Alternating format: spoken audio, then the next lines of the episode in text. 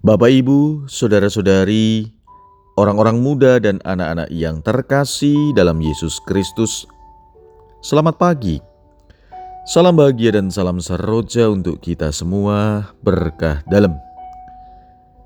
Bersama dengan saya, Romo Antonius Garbito Pambuaji, menyampaikan salam dan berkat Allah yang Maha Kuasa dalam nama Bapa dan Putra dan Roh Kudus. Amin. Hari ini Rabu 14 Oktober dalam pekan biasa ke-28. Bacaan pertama dalam liturgi hari ini diambil dari surat Rasul Paulus kepada jemaat di Galatia bab 5 ayat 18 sampai dengan 25. Bacaan Injil diambil dari Injil Lukas bab 11 ayat 42 sampai dengan 46. Sekali peristiwa, Yesus bersabda, Celakalah kalian, hai orang-orang Farisi, sebab kalian membayar persepuluhan dari selasih, ingu, dan segala jenis sayuran. Tetapi kalian mengabaikan keadilan dan kasih Allah. Yang satu harus dilakukan dan yang lain jangan diabaikan.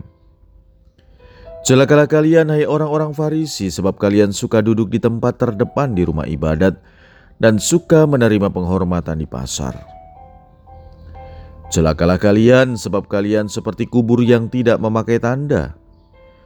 Orang-orang yang berjalan di atasnya tidak mengetahuinya. Seorang ahli Taurat menjawab, "Guru, dengan berkata demikian engkau menghina kami juga."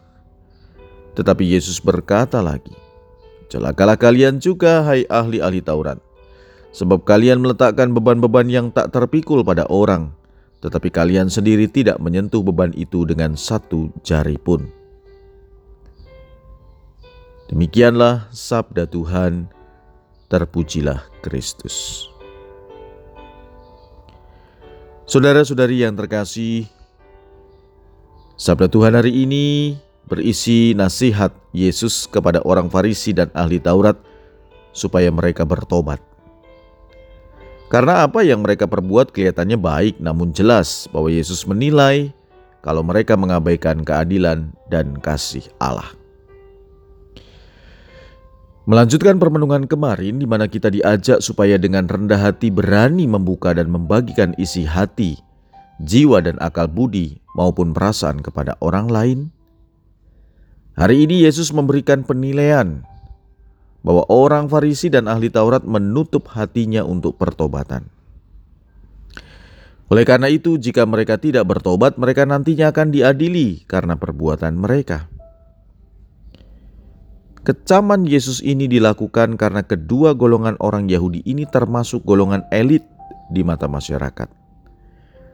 Namun, ternyata tindakannya itu sangat merugikan orang banyak. Masyarakat menjadi objek ketidakadilan serta mengabaikan belas kasih Allah. Jika seseorang kehilangan kasih Allah, maka yang bersangkutan juga tidak memiliki belas kasih terhadap sesama. Tingkat kesalehannya hanya bersifat lahiriah.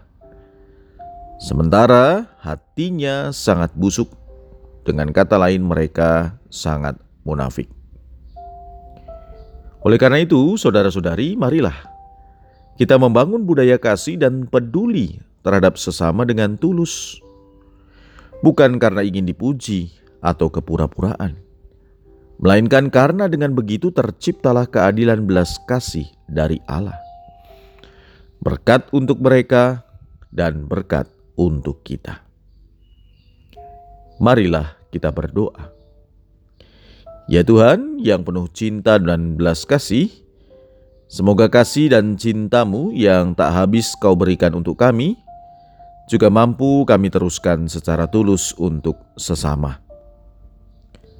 Berkat Allah yang Maha Kuasa dalam nama Bapa dan Putra dan Roh Kudus. Amin.